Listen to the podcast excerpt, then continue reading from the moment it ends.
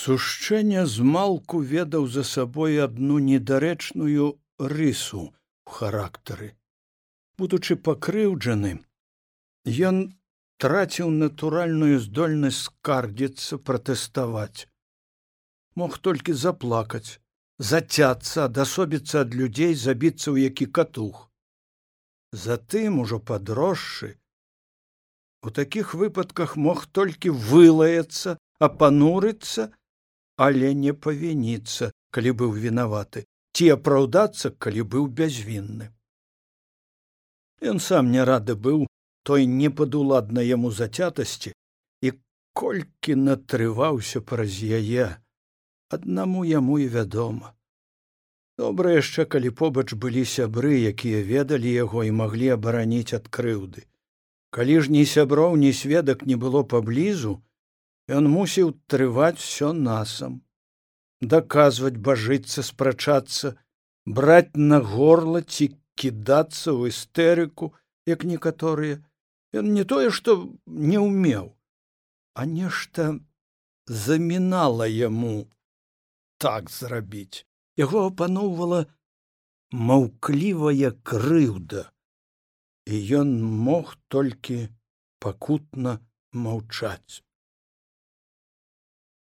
Я ж на путях трынаццаць гадоў прарабіў, паспакайнеўшы, сказаў сушчэнне змарнеламу бураву. Ды ты ж ведаеш. Як немцы прыйшлі, быў кіну. Аж прыходзіць начальнік станцыі, ну той наш церашкоў. Надо ісці працаваць, а то немцы мяне расстраляюць ну што рабіць мусіў пайсці хоць і не хацелася бы адчувала душа. І гэта была праўда. Сушэнню дужа не хацелася ісці пры немцах працаваць на чыгунку. Бы чула яго душа што добром тая праца не скончыцца. Але было шкада і церашкова увогуле неблагога чалавека з якім ён прарабіў апошнія шэсць год. Сабраў гэты начальнік брыгады ўсе ранейшыя хлопцы аднагодак сушчэнні тапчэўскі які таксама гады тры працаваў тут на путях хорошы кампанейскі мужик з гэтага ж масцішча. Пятро карабань суседнія вёскі і малады яшчэ фзушнік мішук што як пачалася вайна вярнуўся да бацькі з віцебска дзе вучыўся на цесляра як і да вайны пайшлі на пуці. Работа ўсё тая ж знаёмая рыхтоўка падбіўка замена гнілаватых шпал рамонт стыкаў калі дзе трэба забіўка кастылёў. А на станцыі апроч свайго начальніка церашкова паявіўся нейкі немец э, быццам цывільны але ў мундзіры з чырвонай павязкай на рукаве і па-руску трохі ўмее. Па путях неўзабаве пайшлі паязды на ўсход гружаныя тэхнікай і войскамі на захад больш паражняк але былі і санітарныя з палоннымі у смярдзючых глуха зачыненых вагонах. Знаеш працуем як і раней але на душы так прыкра што сказаць нельга. На каго робім? Што ж не панімалі на каго робіце прастагнаў буру. Панімалі чаму ж не? І гаварылі пра тое. Хлопцы ўсе свае адзін аднаго не баяліся.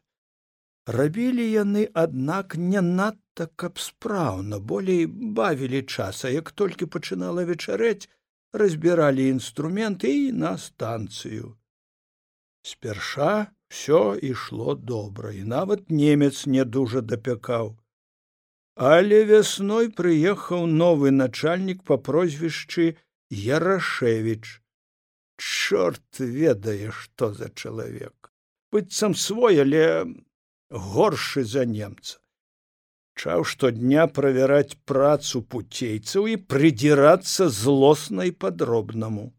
Памерае путь не хапае міліметра або міліметр лішні. Скандал.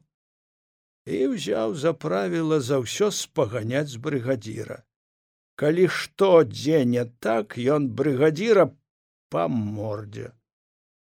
Сушчэнне спярша не разумеў чаго ён гэтак на яго ўз'еўся а пасля стаў здагадвацца гэта ж ён настройваў брыгадзіра супраць ягонных хлопцаў каб той больш з іх спаганяў, а яны каб яго баяліся і ненавідзелі, во тады ён і пакарыстаецца сваёй уладай як хоча.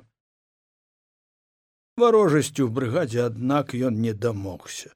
Хлопцы ўсе былі з розумам, і калі каго ўзненавідзелі, дык гэта самога Ярашевіча. І калі трохі раней, як начальнікам быў церашкоў, пуцейцы яшчэ асцерагаліся чаго, дык цяпер тая асцярога адпала цяпер яны сталі адкрыта гаварыць між сабой згаворвацца як зрабіць немчуры тарарам вельмі закарцеў хлопцам гэты тарарам тым больш што ў лясах ужо загуло загрукатала паявіліся партызаны аднойчы спалілі два грузавікі на лясной дарозе воддалі ад станцыі. Брыгада пуцейцаў сушчэнні ў той час працавала на кузоўскім балоце. Там было шмат звычайнай работы па рыхтоўцы і замене шпал. Наогул участак той быў самы горшы яны займаліся ім з вясны а тут новы начальнік перакідвае іх на чыгуначнае закругленне перад выспянскім мостам кажа шэф немец праверыў надоечы там трэба прайсціся выверыць радыус і падбіць сотню шпал. Брыгадзір заўжды быў чалавек паслухмяны, яны назаўтра ранічкай узялі інструменты і з ручной кацілкай патупалі палатном да выспянскага моста. Рабілі там дні са тры. І якраз тады немцы паязды на ўсход сталі пускаць ноччу. Што яны там везлі, пуцейцы не маглі бачыць, але так меркавалі, што мабыць важныя грузы можа танкі нават калі для перавозкі карысталіся выключна цёмнай парой сутак і вось неяк самы малады з іх той фзушнік мішук калі яны пасеўшы ўрад перакусвалі за канавай і кажа а давайте развінцім звяно і устроім тарарам на закругленні здатна получыцца тапчэўскі падумаў і падтрымаў. А што кажа дзельная думка карабань тады прамаўчаў. А сушчэнне дык быў адразу супраць што ўдумалі. Немцы яны дурні ці што не здагадаюцца хіба? Стык жа развінчаны адразу відаць. Пачалі спрачацца. Немешук з тапчэўскім даводзіць што калі цягнік паляціць пад адхон тут ні адзін стык не застанецца все перакрышыцца перакруціцца як вунь на лемяшоўскай будцы. Месяц таму там была аварыя ці можа падрыў і яны бачылі што там зрабілася. Там сапраўды была каша зрэ як шпала ў вагону але там трохі іншы профіль пуці там выемка а не закругленне самага пачатку сушчэння быў супраць гэтай задумы бо ведаў можа лепей за іншых што надта цяжка будзе схаваць канцы ў ваду. Закругленне табе не выемка. Тут мабыць болей паляціць пад адхон. Паляціць на поплаў або нават у рэчку под мост. Таксама не кепска нават дужа добра. Толькі вось той стык як бы не застаўся улікай надта сумняваўся сушчэннем але ягоны хлопца ўжо загарэліся вочы давай ды давай! І ён не схацеў каб яго палічылі баякам ці яшчэ горш нямецкім паслугачом. І пагадзіўся не сказаў праўда нічога просто змаўчаў калі перад канцом работы ўжо на захадзе сонца гэты мішук тапчэўскі ды і карабань пабралі ключы і абступілі самы выгадны для таго стык на закругленне брыгадзір маўчаў але ў душы ён ужо адчуваў бы ведаў што такое так не абыдзецца. Будзе бяда. Ну ведаеш развінцілі стык трохі сунули рэйку одну знешнюю. Ну это было досыць і хутка покацілі інструмент на станцыю думалі так што яшчэ да цягніка не меней чым пара гадзін часу. Наставаў прыцемак стыкаў ніхто не заўважыць а пакуль тое крушэнне мы будзем далёка ці мала што магло здарыцца маўляў пасля нас можа партызаны ці што мы нічога не бачылі. Сапраўды так яны думалі. Яны думалі што пасля крушэння немцы будуць шукаць нейкія там доказы і доказаў не знойдуць а пуцейцы будуць усе як адзін адмаўляцца і ўсё неяк абыдзецца. Ды мабыць у жыцці ніколі не выходзіць як думаецца тым больш у вайну той дзень штосьці парушылася і ў немцаў. І першы цягнік яны пусцілі раней чым сцямнелася. Не паспелі пуцейцы зацягнуць кацілку бакоўку пры станцыі як на стрэлках загрукацела і ў сушчэнні нядобра зашчымела сэрца надта не ў пару ішоў гэты цягнік а цягнік тым часам з кразняком прайшоў пра станцыю. Яны лихаманкава заспяшаліся каб хутчэй змыцца але гэты ярашевіч як на тое зло пачаў распытваць брыгадзіра што сёння зрабілі колькі засталося. Як закруглення ці вялікі брак? Сушчэнне няўцямна адказваў а сам стаяў перад начальнікам ля акна ні жывы не мёртвы. Цягнік ужо павінен быць там каля моста. Няўжо ён прайшоў цэлы? Аж не прайшоў цэлы канешне паляцеў пад адхон і вагонаў з дзесяць зрабілі кучу малу пад насыпам. На стрэлках усё ўчулі і да начальніка прыбег задыханы потны стрэлачнік кажа бяда ля моста крушэння начальнік той ярашевич адразу кінуўся на телефон а мы памалу змыліся хто куды. Я як пабіты прывалокся дамоў. Думаў тады кончыцца кепска але можа не надта хутка. Все ж павінны яны нешта расследаваць дапрошваць высвятляць а яны нас адразу іх хопнули іх узялі на другі дзень ранічкай як аварыйны поезд за ноч расчысціў ад завалу пуці і канешне ж як і меркаваў сушчэння немцы знайшлі пад друзам той злашчасны развінчаны стык. Узялі ўсю брыгаду бо ад таго часу як яна там рабіла да моманту аварыі мінула ўсяго гадзіна. Хто ж яшчэ мог там быць? Зрэшты асабліва нікога не шукалі. Адразу населі на гэтых чатырох пуцейцаў хоць па сутнасці ніякіх канкрэтных супраць іх улік і не мелі. Чалі канешне з брыгадзірам. Дапытвалі ў новым памяшканні былой раённай бальніцы сышлося там чалавек дзесяць розных чыноў сваіх і немцаў. Чакалі. Кабінецік такі быў тульны на падаконніках вялікіх акон стаялі кветачкі ў вазонах а гаспадар даволі яшчэ маладжавы чалавек у рудым кіцелі з нейкімі пагонамі і даволі прыветлівым тварам спярша і не крычаў нібы спачуваючы нават што здзівіла сушчэнню гаварыў чыста па-руску хоць з астатнімі немцамі па-нямецку ашчадна трымаючы ў даўгіх тонкіх пальцах з пярсцёнкам тонкую нямецкую цыгаретку ён проста амаль па-сяброўску пытаўся ў сушчэнні. Дык хто вам даў такое заданне каб э, разрушыць дарогу? Ды мы нічога не разрушалі мы нічога не ведаем са страхавітай шчырасцю здзіўляўся ж цушчэння а хто разрушыў? Дык не бачыў. Ну не ведаю.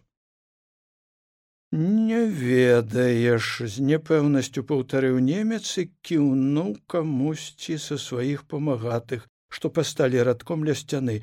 А ну дайце яму вспомніць яго адразу схапілі дзве пары ўчэпістых злосных рук штурхнулі падхапілі павялі Двое раз'юшаных мардатых паліцаяў звязалі наперадзе руки, а затым пасадзіўшы на падлогу і ногі, і ён недарэчна падумаў, а ногі на што. Але неўзабаве зразумеў на што.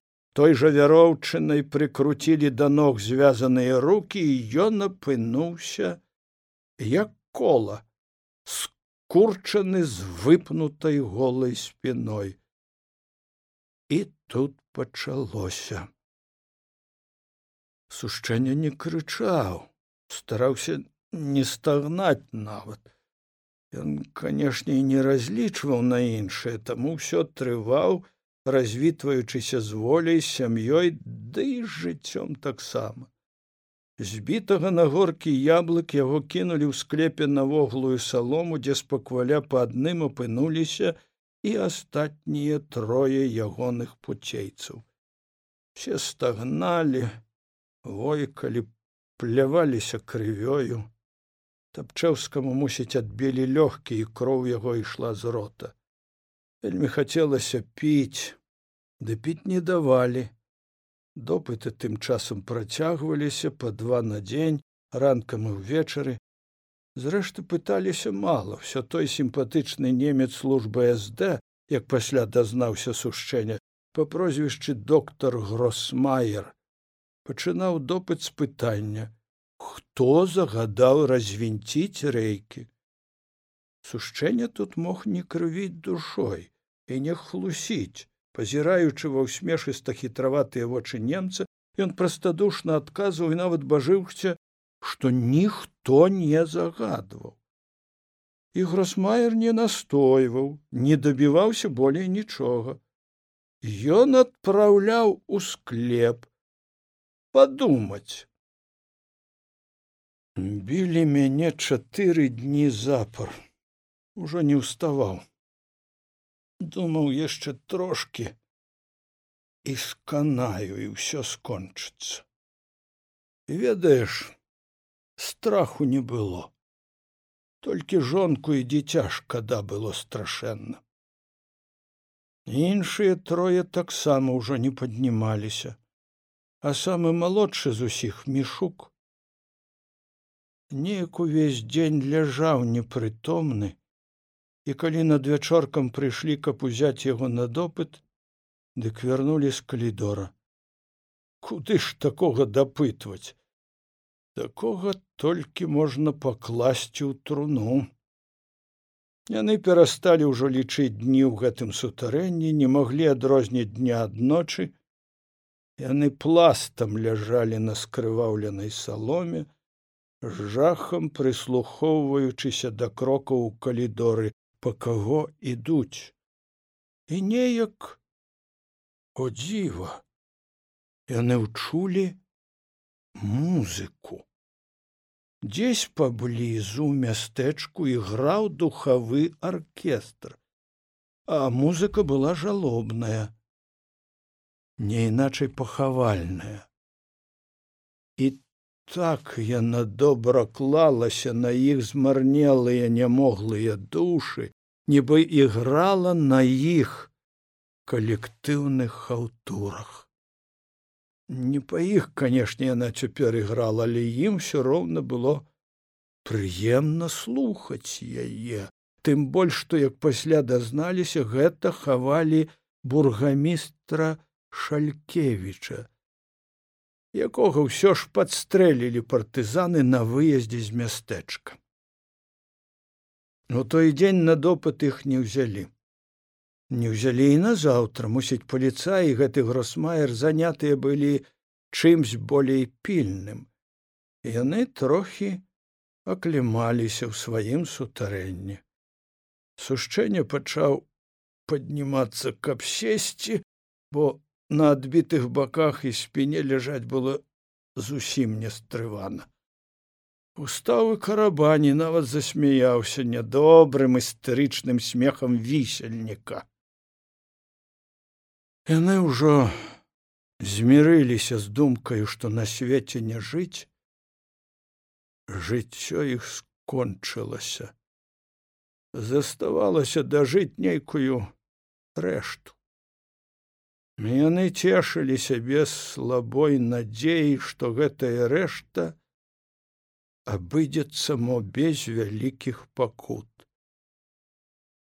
І тады неяк пасля абеду прыходзіць паліцай крычыць сушчэння! На выхад!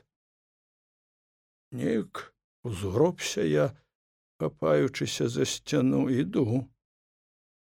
Ужо ці не на расстрэл думаю. Але не на расстрэл расстрэл неўзабаве здасца сушчэнню шчасцем да якога яму не дапяцца. Его прывялі зноў знаёмы кабінет з вазончыкамі на вокнах. Доктор гросмайер як заўжды усмешыста пазірае на яго і кажа так з трохі насмешлівай спагадай у голасе. Сядай давай пагаворым як сябры па душах гляджу ты чалавек положительны положительны положительны затузалася ў галаве сушчэнне гэтае слово. Ён чамусьці згубіў яго сэнс. Ніяк не мог даўмецца што гэта значыць. А немец тым часам страсянуў попел са свае цыгареткі ў маленькую талерачку на стале и продолжал. Положительный да и мы тебе выручым завтра ўсіх ваших повесім а табе даруем жыццё толькі гэтае паведамленне гросмайера нібы выцяла сушчэнню па яго свядомасці не тое што іх павесяць з думкай пра то яны ўжо даўно звыкліся а тое што яго аддзеляць ад ягоных хлопцаў. Як жа гэта? Чаму так? Яшчэ не разумеючы ў поўнай меры ўсяго жаху таго паведамлення ён інстынктыўна адчуў што нешта ў ягоным лёсе жахліва ускладняецца да. Ты будешь жить. Только только ты повинен дать подписку об сотрудничестве. Яким сотрудничестве? С немецкими уладами. Секретным сотрудничестве. Мы тебе устроим утеки ты перабяжыш да сваіх да тых хто табе даў заданне на тую дыверсію і мы будзем з табой трымаць сувязь сакрэтна разумеецца сушчэння хвіліну маўчаў не ведаючы што сказаць і толькі коўтаў у роце сліну яму даруюць жыццё але ж але ж ён адчуваў што так нельга што гэта жах што ягонае жыццё будзе горш за пагібель не ведаеце я не магу я не, не умею. Что? Расмаер увесь напяўся, нібы пачуў якую брыдоту.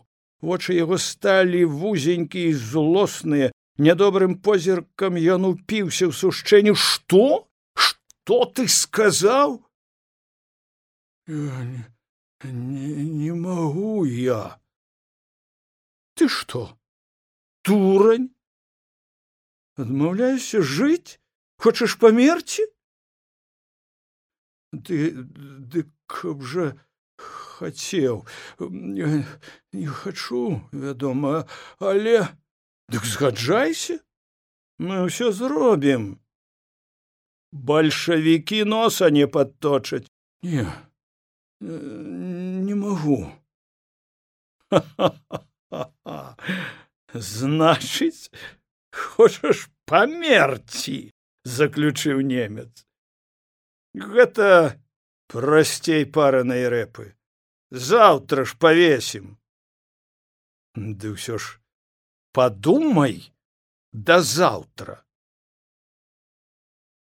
болей грасмайер размаўляць не стаў адправіў сушчэнню сутарэння і той пайшоў болей спакутаваны чым пасля допыту і катавання.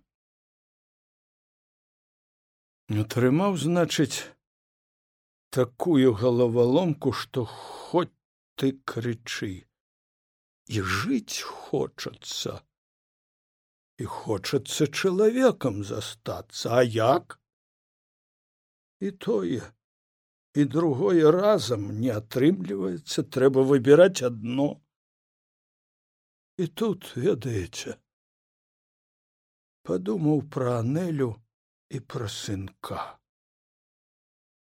І нешта стала праяснівацца. Калі я зараблюся шпіёнам некуды там уцяку дык як жа тады ім жыць зрэшты як жыць ім было пытанне з няхітрым адказам. Яны застануцца ў заложніках. Сушчэнне гэта ведаў напэўна. У якасці заложнікаў яны не дадуць яму адшукаць немцаў калі што будзе не так гэты доктар закатуе абаіх. Дык ці не лепш яму ахвяраваць сабой? Загінуць разам з усімі. Сям'я будзе без бацькі затое будзе ганарыцца ім. Усё ж ён намогся на нешта і хоць не надта ўдала, але спусціў пад адхон цягнік, усё ж памёр не дарма, а так. У камеры ён сказаў толькі, што заўтра іх павесяць, і ўсе змоўклі прыціхлі нават перасталі стагнаць. Ніхто ўжо не наракаў на лёс на той іх не надта спрытны ўчынак. Канешне, кожны цяпер разумеў, што, мабыць, все трэба было зрабіць разумней, хітрэй ці што. Можа, у іншым месцы далей ад іхняга участка ад станцыі, але далей ад станцыі значыць бліжэй да вёскі. Пагінулі б невіноўныя людзі. Словам роздуму хапала асабліва сушчэнню, які тае ночы не заснуў ні хвіліны. Назаўтра раніцай за сцяной забегалі, замітусіліся, расчынілі дзверы, выходзь. Усе знямогла выходзяць наперадзе сушчэння, за ім схуднелы, як кашчэй тапчэўскі, карабань пад пахі вядзе мішука, які ўжо сам не хадзіў. І тады з калідора старшы паліцай кажа: сушчэнню адставіць. Чаму адставіць? Пытаецца сушчэння кажа доктар сказаў. І яго зноў піхнуў камеру а тых павялі. Хутка ў склепе стала ціха і пуста. Мабыць усе вымеліся на рыначную плошчу дзе вешалі ягоных хлопцаў У роспачы адчае сушчэння біў кулакамі ў сцены. Кулём качаўся па саломе ў доле, часам да яго даносіліся гукі нейкіх каманд з плошчы, і ён не мог знайсці сабе месца ў гэтым апусцелым катуху. Ён ужо адчуваў, што яго чакае нешта горшае за смерць, якую цяпер прымалі на людзях ягоныя хлопцы. Хацеў я разбіць сабе галаву аб сцяну, ўжо і ляпнуўся здорава, але мусіць не хапіла сілы і толькі самлеў. Трохі адышоўшыся ляжаў. А над вячоркам прыйшлі ўставай павялі. Ну что кажа гэты доктор хочаш полюбавацца як твае хаўруснікі на вяроўках качаюцца? Могу паказаць. Не кажу лепш бы вы і мяне таксама. Гросмайер тады трохі нават з цікавасцю паўзіраўся шчарнелы аброслы і страшны ад пакут твар сушчэнні і мабыць упершыню зразумеў нешта. А зразумеўшы раззлаваўся ды так раз'юшана жорстка што сушчэнню стала страшна. Ён аж закалаціўся стоячы ля сцяны.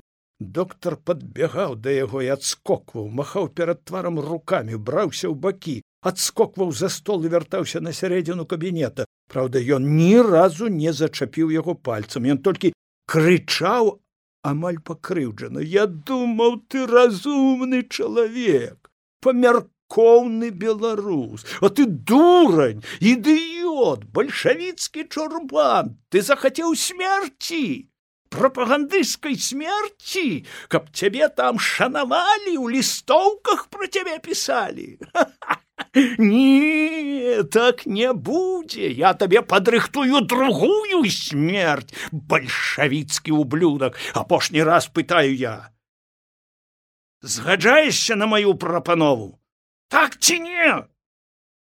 Ён упрытык падскочыў да сушчэння і той цяжка і трудна выдыхнуў не ведаеце не магу я. Ах не можаш тады прэч адсюль. Ідзі да тых хто цябе паслаў закрычаў гросмайер і шырока піхнуў ногой дзверы ідзі ну сушчэнне пазіраў на яго няўцямна цепаючы вачыма. Што ўсё гэта значыць? Мабыць стрэліць у спіну або ў патыліцу? Або скажа застрэліць вартавому які стаіць на ганку?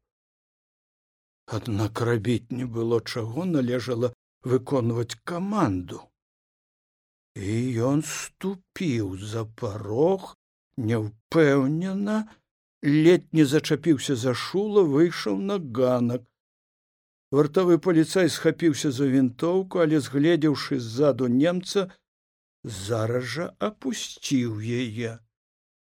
Другі вартавы ля брамкі рашуча заступіў праход ды ззаду гыркнуў грасмайер. Прапусціць і ён вякнуўшы сваёй яволь прапусціў адчыніў і зачыніў за ім брамку. Сушчэнне выйшаў на вуліцу і баяўся азірнуцца няўжо не стрэльнуць і не закрычаць каб вярнуўся назад? Не. Не стрэльнулі і не закрычалі.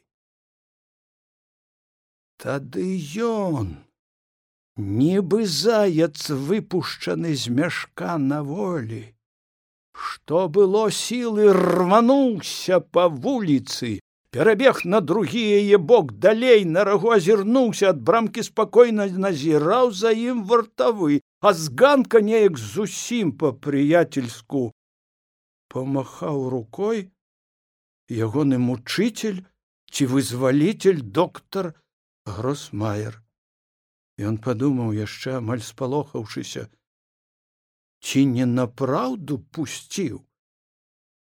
Яго ніхто не затрымліваў і не даганяў.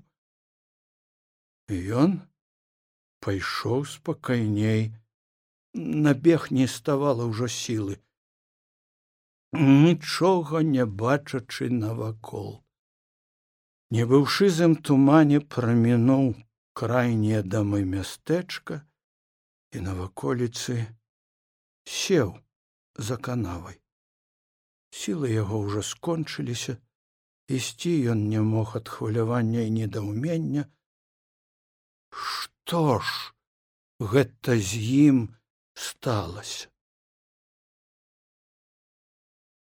Во як і праўда пусцілі нейкі мужик шалупення якраз ехаў на калёсах з мястэчка подвёз да станцыі прыйшоў дадому анеля на гародзе выбірае бульбу як згледзела мяне на двары аж самлела суседка ледь дала рады а я як лёг тык і праляжаў суткі без рук без ног.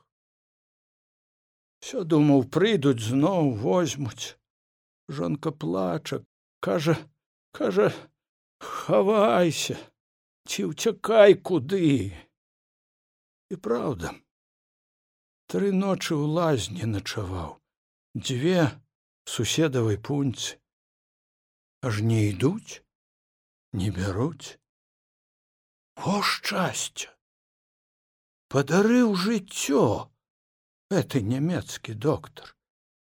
Дзіва да і толькі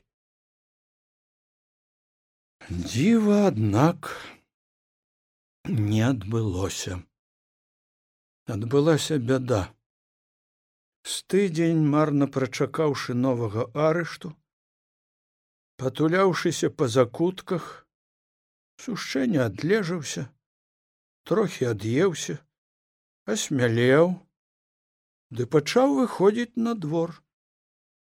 Ды і трэба было памагчы анелі выкапаць бульбу. І вось ён неяк капае а за плотам па ўзмешку ад ракі ідзе ігнась пузыряўскі іхні дзеравенец можа трохі старэйшы за сушчэнню і не вітаецца неяк. Сушчэнне павітаўся а той не адказваючы кажа так з кепікамі у голасе. Ну што? Як жывецца сяброў прадаўшы? Сушчэння знерухоміў страціў мову. Бо яго хтось выцяў выцяў даўбнёй па галаве. Пакуль ён даўмеўся як адказаць пузарэўскі пайшоў сабе не спыняючыся мяжой да вуліцы ну тады сушчэнне ўпершыню можа сцяміў. Чаму да яго за тыдзень ніхто не завітаў в адведкі ні суседзі ні нават радня. Дядька пятрок ці аўгусціна анеліна сястра ці пляменнік косці які бывала не мяне дня каб разы ну тры не наведаўся да дядзькі яго цураліся бо ён прадажнік тая яго здагадка затым пацвердзілася мо разоў дзесяць не меней. Неяк з вёскі прыйшла анелі і пачала плакаць. Бабы наракаюць што гэта ён падбіў. Ну ты хлопцаў на дыверсію і сам жа іх выдаў. Таму яго і выпусцілі адкупіўся таварышамі малы грыша прыбягае з вуліцы прастадушна так узлазячы яму на калені пытаецца татка а ты пладазнік? Які прадажнік хто табе сказаў? А шулка балысаў сказаў твой тата пладазнік ну? Як? Як было сушчэню і перад кім апраўдацца. Расказаў пра ўсё жонцы тая паслухала паплакала. Жонка канешне поверыла а можа не поверыла і жонка толькі прыкінулася што поверыла але як жа мне. Жыць пытаўся сушчэння няўцямна пазіраючы ў хвойнік. Там спярша здалёку на хваіне з'явіўся дзюбаты разважны груган пасядзеў на верхавіне паўзіраўся ў людзей падляцеў бліжэй. Тое не спадабалася сушчэню ён махнуў рукой. Кыш халера ды груган не паляцеў не крануўся нават што было рабіць я ім тады ўжо заздросціў траім маім пуцейцам іхнюю памяць шанавалі людзі імі ганарыліся дзеці іхнім сем'ям памагалі суседзі а мяне узненавідзелі і адчуў што і самы мне дарагі чалавек жонка анеля тоже на мяне пазірае не так як раней. Пачала часта плакаць без дай прычыны. І як ёй быць? Неяк трохі на яе крыкнуў ну там як бульбу пераносілі як зарыдае кажа лепей бы яны цябе там павесілі разам канешне лепей кажу але ж не павесілі о дык цяпер што што рабіць хіба самому павесіцца во як атрымалася. То баяўся немцаў хаваўся ад іх то пачаў думаць сапраўды ці не павесіцца?